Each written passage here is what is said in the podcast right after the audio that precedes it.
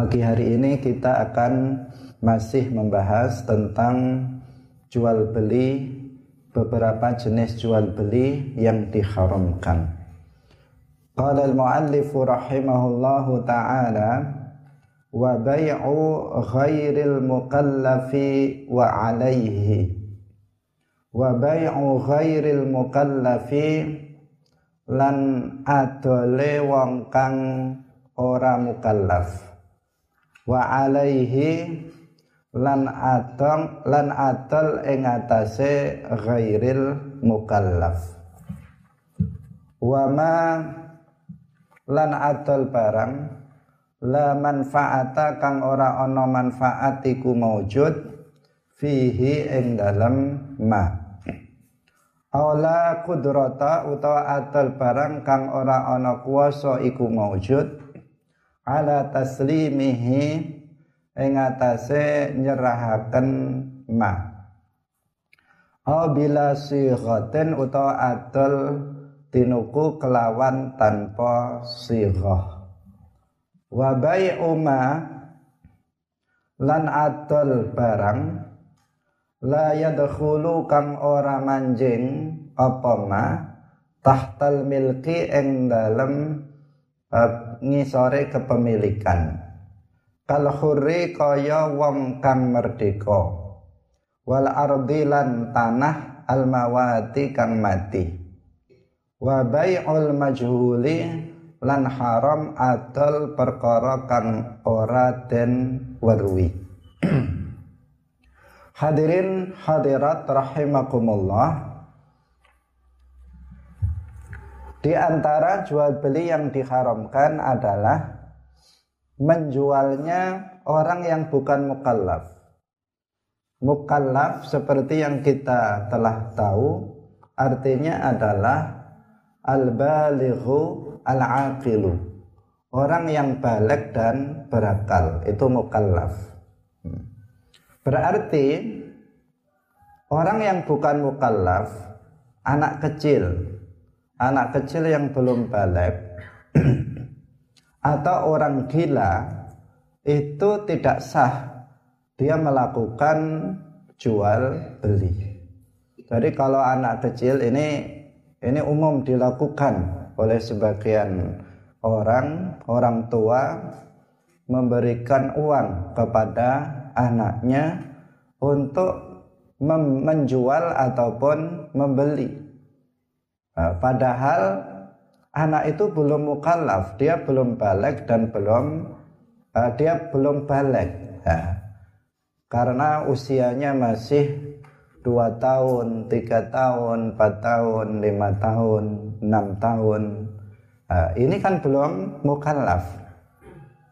Nah, dalam syariat Islam, dalam madhab syafi'i, tidak boleh anak yang belum balik itu untuk melakukan akad jual beli. Dia tidak boleh menjual sesuatu kepada orang lain. Dia juga tidak boleh membeli sesuatu dari orang lain. Nah, karena itu yang seharusnya itu orang tuanya yang membelikannya untuk anaknya. Meskipun itu membeli kue, membeli jajan yang kecil, karena itu akan dimakan oleh anak itu, maka seharusnya orang tuanya memahami tentang hal itu, kemudian orang tuanya yang membelikannya untuk si anak itu. Nah, jangan anak kecil disuruh malah disuruh untuk melakukan jual beli. Padahal di sini dijelaskan bai'u ghairil mukallaf itu tidak sah. Menjualnya anak kecil yang belum balik atau menjualnya orang gila itu tidak sah. Atau membelinya anak yang belum balik itu juga tidak sah. Membelinya orang gila itu juga tidak sah. Kalau ada orang gila punya uang banyak, kemudian datang kepada kita beli, saya beli ini, beli itu itu kita jangan menerimanya.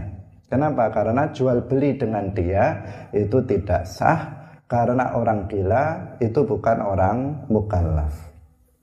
Orang mukallaf adalah al-balighul aqil, orang yang balik dan berakal. Hadirin rahimakumullah. Nah, adapun dalam mazhab Imam Ahmad ini mungkin sedikit longgar. Dalam mazhab Imam Ahmad diperbolehkan bagi anak kecil yang sudah mumayyiz untuk melakukan transaksi jual beli dengan syarat diizinkan oleh walinya.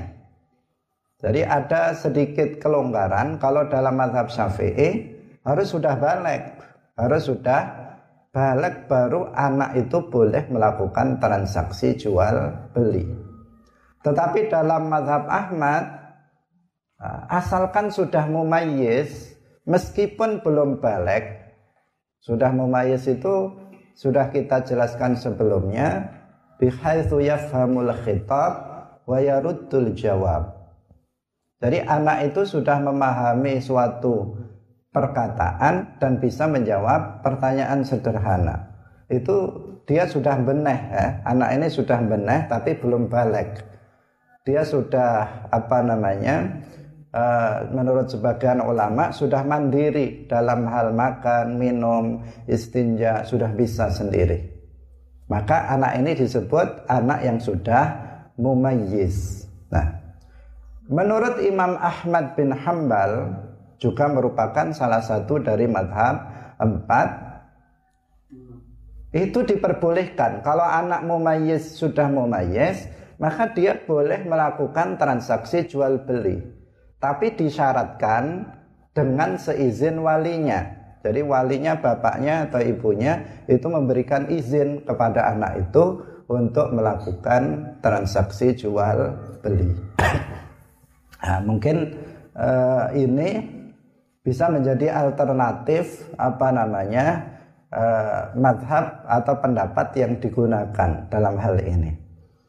Karena sekarang itu sudah umum anak-anak kecil masih dia umur SD yang belum balik masih madrasah ibtidaiyah itu kemudian dia melakukan transaksi jual beli karena di sekolahannya banyak sekali pedagang misalnya dia umur masih umur 7 tahun 8 tahun melakukan transaksi jual beli Nah, di sini bisa menggunakan mazhab Imam Ahmad yaitu dengan ketentuan orang tuanya memberikan izin uh, kepadanya untuk melakukan transaksi jual beli.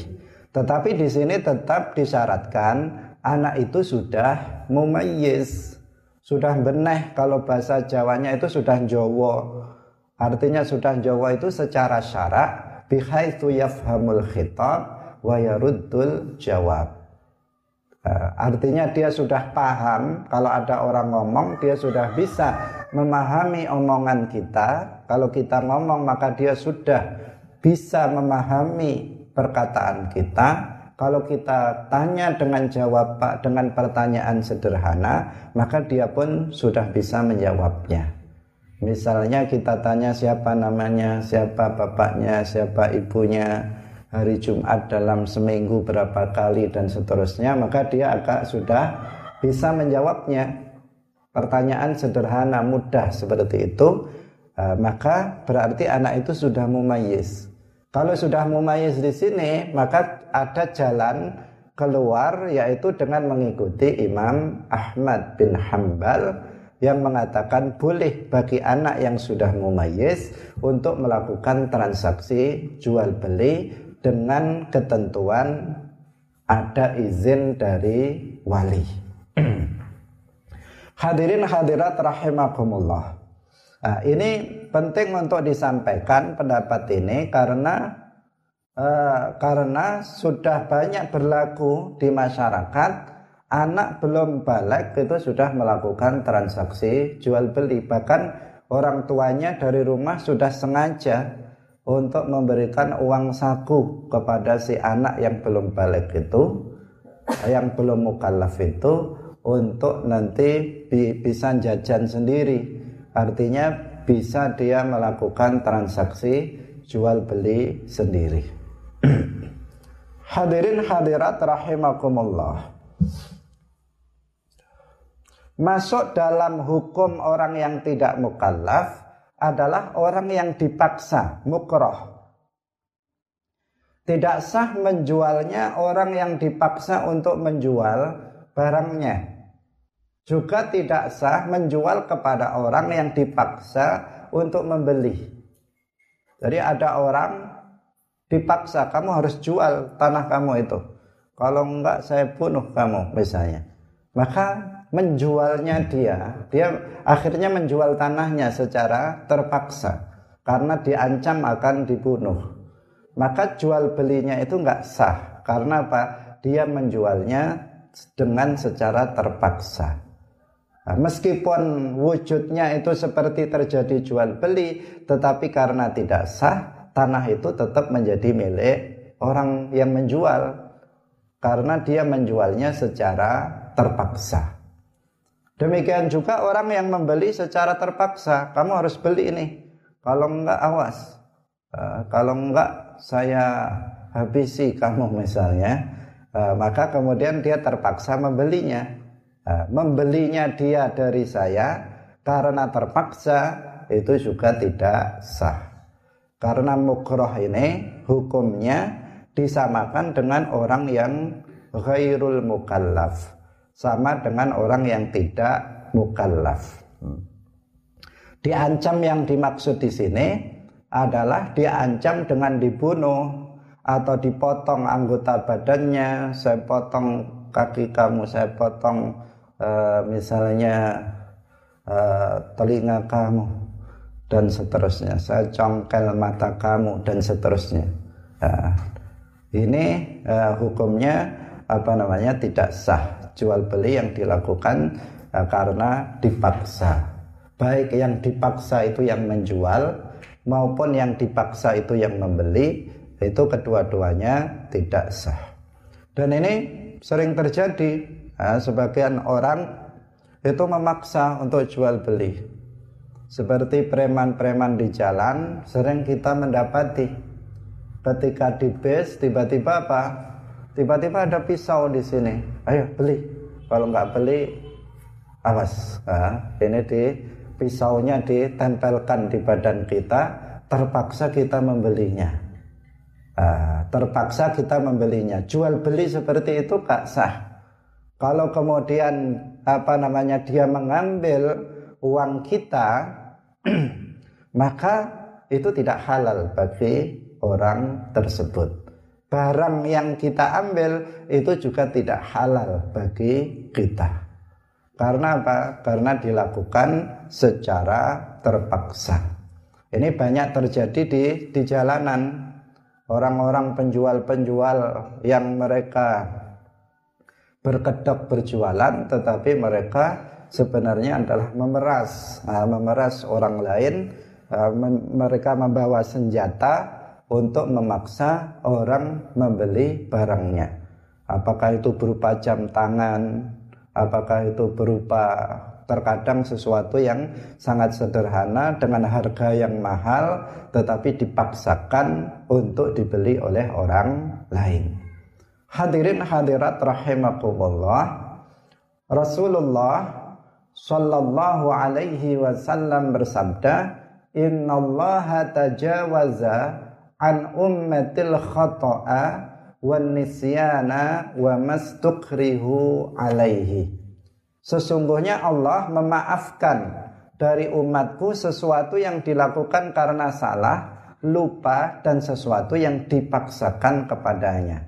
Hadis riwayat At-Tirmidzi. Ini sebagai uh, bukti atau dalil bahwasannya orang yang dipaksa itu adalah uh, tidak masuk dalam kategori yang mukallaf dalam masalah ini sehingga dia disamakan sebagai ghairul mukallaf dalam jual beli sehingga jual beli yang dilakukan secara terpaksa itu hukumnya tidak sah. Kalau tidak sah artinya tidak bisa menjadi kepemilikan barang itu tidak bisa menjadi kepemilikan bagi orang yang membeli, kemudian uang juga tidak bisa menjadi kepemilikan bagi orang yang menjual. Tetap hukumnya haram. Jika dimakan berarti memakan harta orang lain secara batil. Hadirin hadirat rahimakumullah haram membeli sesuatu kepada orang yang dipaksa untuk menjual barangnya kecuali nah, ini tadi yang sudah kita sampaikan ada pengecualiannya yaitu jika dipaksa karena hak syar'i. Nah, seperti orang yang dipaksa oleh hakim untuk menjual barang gadaian ketika ia tidak dapat melunasi hutangnya setelah jatuh tempo. Nah, sebelumnya sudah kita jelaskan tentang tentang rohan, yaitu ketika seseorang menjadikan harta yang yang bernilai sebagai jaminan atas hutang atas hutang dia kepada seseorang. Misalnya jaminannya adalah berupa sawah. Dia hutang sebanyak misalnya 50 juta dengan jaminan adalah sawah yang dia miliki selama satu tahun jatuh temponya. Setelah satu tahun ternyata dia tidak bisa melunasi hutangnya. Maka di sini kemudian dibawa kepada hakim ke pengadilan. Pengadilan kemudian memutuskan sawah ini harus kamu jual. Nah, berarti kan dipaksa dia. Sawah ini harus kamu jual nanti hasilnya kamu bayarkan hutang kamu kepada si A. Nah, lebihnya untuk kamu. Nah, bukan dengan cara seperti yang terjadi langsung disita nah, disita tanahnya tetapi hakim memerintahkan kepada orang tersebut yang punya hutang itu untuk menjual tanah yang menjadi jaminan. Tanah yang digadaikan itu. Agar dia menjualnya kemudian hasilnya dibayarkan untuk membayar hutang. Nah, digunakan untuk membayar hutangnya sisanya untuk dia sendiri. Nah, di sini dia dipaksa untuk menjual tetapi jual belinya sah nah, jual belinya sah kalau kemudian kita membeli tanah itu, meskipun dia menjualnya terpaksa, kemudian kita membelinya, maka itu boleh. Kenapa? Karena di sini karena hak syar'i, karena tuntutan syarak. Jadi dia memang diperintahkan oleh syarak, diperintahkan oleh agama untuk menjual. Yang memaksa itu bukan seseorang. Pada hakikatnya yang memaksa adalah hukum agama memaksa dia untuk menjual sawah itu karena dia telah menggadaikannya eh, sebagai jaminan dari hutang dia kepada orang lain. Nah, hadirin hadirat rahimakumullah. Jadi ini adalah sebuah pengecualian. Nah, secara umum jual beli secara terpaksa baik penjualnya yang dipaksa atau pembelinya yang dipaksa itu tidak sah secara umum. Tetapi di sini ada sebuah pengecualian ketika paksaan itu dilakukan oleh syarat. Hadirin hadirat rahimakumullah. Kemudian yang berikutnya adalah wa ma la manfaata fihi. Haram menjual sesuatu yang tidak ada manfaatnya. Jadi di antara jual beli yang diharamkan adalah menjual sesuatu yang tidak ada manfaatnya. Manfaat yang dimaksud di sini adalah manfaat secara fisik maupun manfaat secara syarak. Karena ada sesuatu itu yang bermanfaat. Secara fisik bermanfaat, tapi menurut agama itu tidak ada manfaatnya. Ada juga sebaliknya, eh, apa namanya eh, yang secara fisik ya bukan artinya yang secara fisik manfaat di, di sini yang dilihat dari manfaat secara fisik dari bendanya itu ada nggak manfaatnya? Kemudian yang kedua dari sisi syarak itu ada nggak manfaatnya? Hadirin hadirat rahimakumullah. Sesuatu yang tidak bermanfaat secara fisik itu contohnya seperti roti yang terbakar. Bukan roti bakar tetapi roti yang terbakar. Kalau roti bakar memang ya enak memang begitu dimakannya. Tetapi roti yang terbakar sehingga menjadi angus tidak bisa dimakan lagi sudah nggak bisa dimakan lagi itu berarti apa tidak tidak ada manfaatnya nggak boleh dijual diperjualbelikan kalau roti bakar boleh diperjualbelikan tapi kalau roti terbakar sehingga menjadi angus nggak bisa dimakan lagi itu nggak boleh untuk diperjualbelikan. Atau misalnya kalau nasi itu nasi basi. Nasi sudah sudah basi. Uh, sudah nggak bisa dimakan lagi. Kemudian dia menjualnya. Uh, menjualnya baik secara apa namanya terang-terangan ataupun misalnya secara sembunyi-sembunyi tanpa memberitahukannya ternyata isinya nasi basi. Ini juga tidak tidak boleh. Kenapa? Karena nggak ada manfaatnya. Nasi basi tidak ada manfaatnya dan semacamnya. Nah, bentuk apakah itu berupa makanan atau yang lainnya uh, yang tidak ada manfaatnya secara fisik sudah nggak bisa dipakai, tidak bisa dimakan, tidak bisa digunakan lagi, maka tidak boleh diperjualbelikan. Kemudian yang kedua, sesuatu itu harus bermanfaat secara syar'i. Nah, sesuatu yang tidak bermanfaat secara syar'i, nah, secara syarak itu tidak dianggap bermanfaat, itu tidak boleh diperjualbelikan. Seperti alat musik yang diharamkan. Alat musik yang diharamkan alat musik yang diharamkan seperti seruling, gitar misalnya, biola itu secara fisik seakan-akan ada manfaatnya, seakan-akan karena bisa untuk uh, hiburan, nah, se seakan-akan ada manfaatnya secara fisik. Tetapi dalam pandangan syarak dalam pandangan agama itu tidak bermanfaat. Kenapa? Karena itu sesuatu yang diharamkan dalam agama penggunaannya.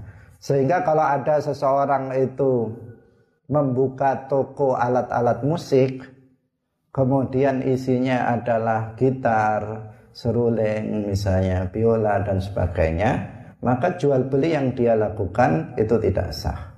Kalau dia menerima menerima uang dari menjual itu, uang itu bukan milik dia, tetap milik orang yang membeli. Barang yang diambil oleh pembeli juga bukan milik pembeli pembeli meskipun itu sudah terjadi serah terima meskipun sudah secara zahir terjadi akad tetapi itu tidak bisa uh, menjadi kepemilikan karena apa? Karena tidak sah jual beli seperti itu yang tidak ada manfaatnya itu tidak sah. Kecuali kalau toko alat musik tapi isinya di situ rebana dan sebagainya maka itu berarti alat-alat musik yang dihalalkan. Maka itu sah. Uh, sah jual beli yang dilakukan. Hadirin rahimakumullah. Atau misalnya yang tidak ada manfaatnya secara syarak itu seperti salib emas dan perak.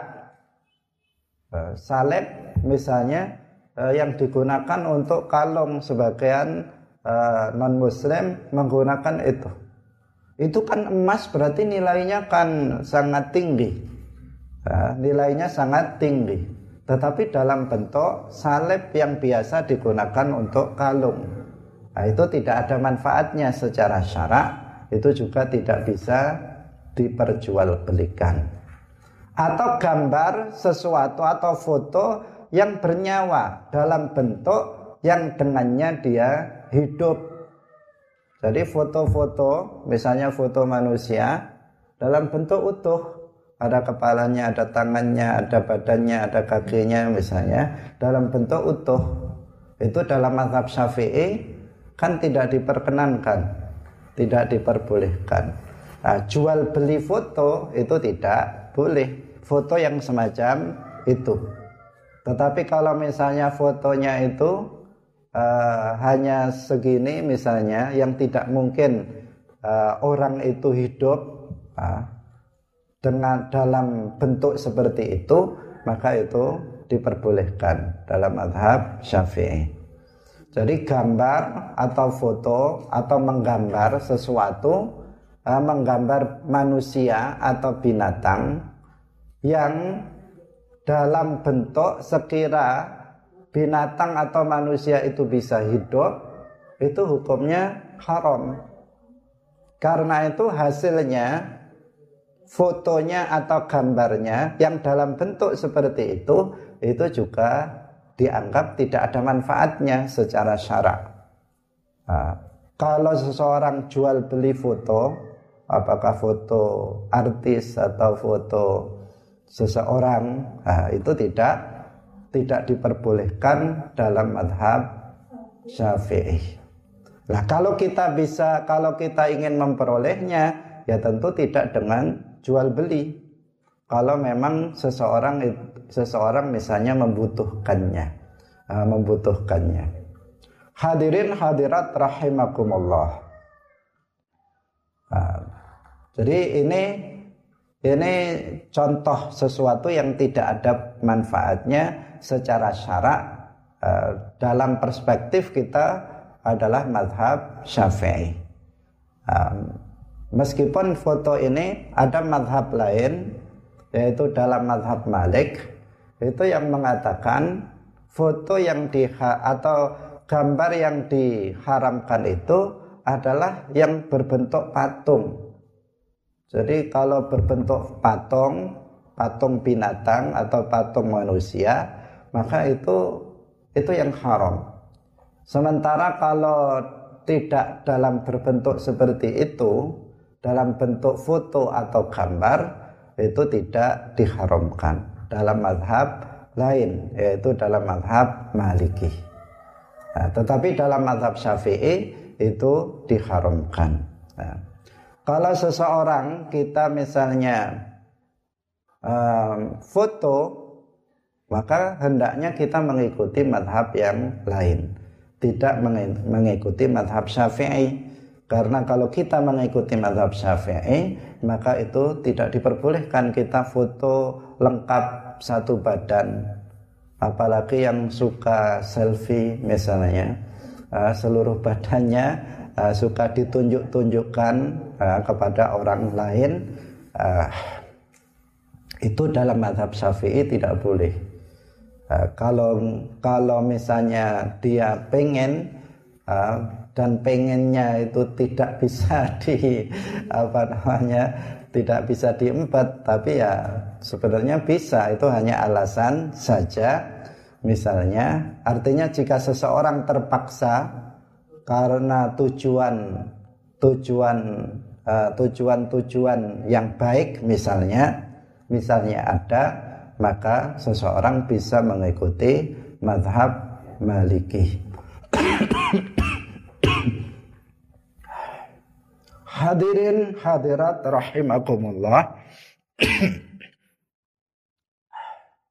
Yang selanjutnya adalah contoh yang lain seperti serangga nah, serangga ini termasuk sesuatu yang tidak ada manfaatnya. Ular tikus kalajengking kecoa misalnya coro itu nggak ada manfaatnya. Tikus itu juga nggak ada manfaatnya. Nggak boleh seseorang jual beli tikus atau jual beli ular jual beli uh, kecoa karena itu tidak ada manfaatnya secara syarak meskipun apa kalau kalau diteliti nah, diteliti oleh para ahli-ahli perbinatangan masing-masing dari setiap binatang itu selalu ada manfaatnya. Oh ular bisa untuk ini, misalnya kecoa bisa untuk obat ini dan sebagainya. Nah, tetapi apa? Dalam pandangan syarak itu tidak ada manfaatnya. Nah, sehingga tidak sah jika dilakukan jual beli uh, terhadap barang-barang atau binatang-binatang serangga seperti itu. Hadirin rahimakumullah, tidak boleh juga menjual binatang buas yang tidak ada manfaatnya seperti singa, serigala dan semacamnya. Meskipun ini sangat kecil kemungkinan, kemungkinan bagi kita sangat kecil, tetapi bisa jadi sering terjadi pencurian dari kebun binatang, misalnya singanya diambil hilang, kemudian di uh, dijual. Atau serigalanya hilang dari kebun binatang kemudian dijual. Itu tidak tidak boleh uh, tidak sah. Jual beli karena dianggap binatang buas juga sesuatu yang la manfaata lahu atau la manfaata fihi yang tidak ada manfaat di dalamnya hadirin rahimakumullah yang berikutnya adalah aula kudrata ala taslimihi. Di antara jual beli yang diharamkan adalah menjual sesuatu yang tidak mampu untuk diserahkan. Memang milik dia, tetapi dia tidak bisa menyerahkan kepada pembeli. Misalnya apa? Misalnya barang itu sudah hilang. Dia tadi pagi sepeda motornya hilang. Wah, daripada hilang, nggak dapat duit saya jual aja kepada teman saya misalnya nah ini nggak boleh nah, kamu mau saya saya menganu dengan murah udah satu juta aja sepeda motor itu itu sebenarnya harganya uh, masih 20 juta. Tapi karena hilang saya jual kepada kamu satu juta. Itu nggak nggak bisa. Karena sudah hilang. Nah, sudah hilang berarti dia dia sendiri nggak bisa menyerahkannya kepada kepada pembeli. Meskipun harganya murah tapi kan nggak bisa diserahkan. Ini tidak tidak boleh. Atau dia punya misalnya uh, punya binatang uh, peliharaan kemudian binatangnya sudah terbang uh, burungnya sudah terbang baru dijual. Tidak bisa. Kalau dia tidak bisa menyerahkannya uh, maka tidak bisa dia menjualnya kepada orang lain. Atau misalnya sesuatu yang digosok. Dia punya tanah. Tetapi tanah itu sudah digosok oleh pemerintah yang penguasa yang zalim misalnya kalau ada. Uh, karena sebagian misalnya karena Pak Lurahnya itu zalim uh, tanah milik dia itu kemudian diaku-aku oleh penguasa yang zalim. Sehingga dia tidak bisa menguasai tanah itu kemudian dia menjualnya kepada orang lain daripada dia nggak bisa menguasainya kemudian dia jual kepada orang lain maka di sini tidak bisa. Kenapa? Karena dia tidak bisa menyerahkan, nah, menyerahkan tanah tersebut kepada pembeli.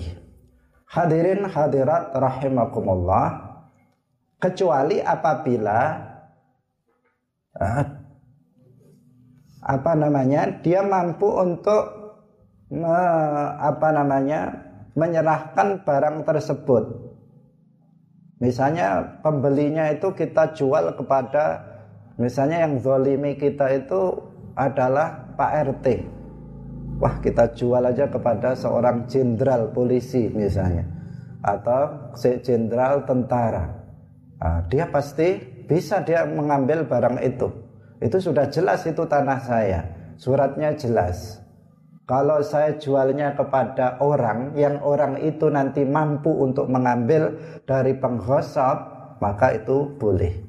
Kenapa? Karena kita itu bisa masih bisa diserahkan karena pembeli mampu untuk mengambil barang tersebut. Nah, ini uh, adalah pengecualian karena meskipun kita tidak mampu mengambil barang itu, tidak mampu menyerahkan barang itu kepada pembeli, tetapi pembeli mampu untuk mengambil barang tersebut.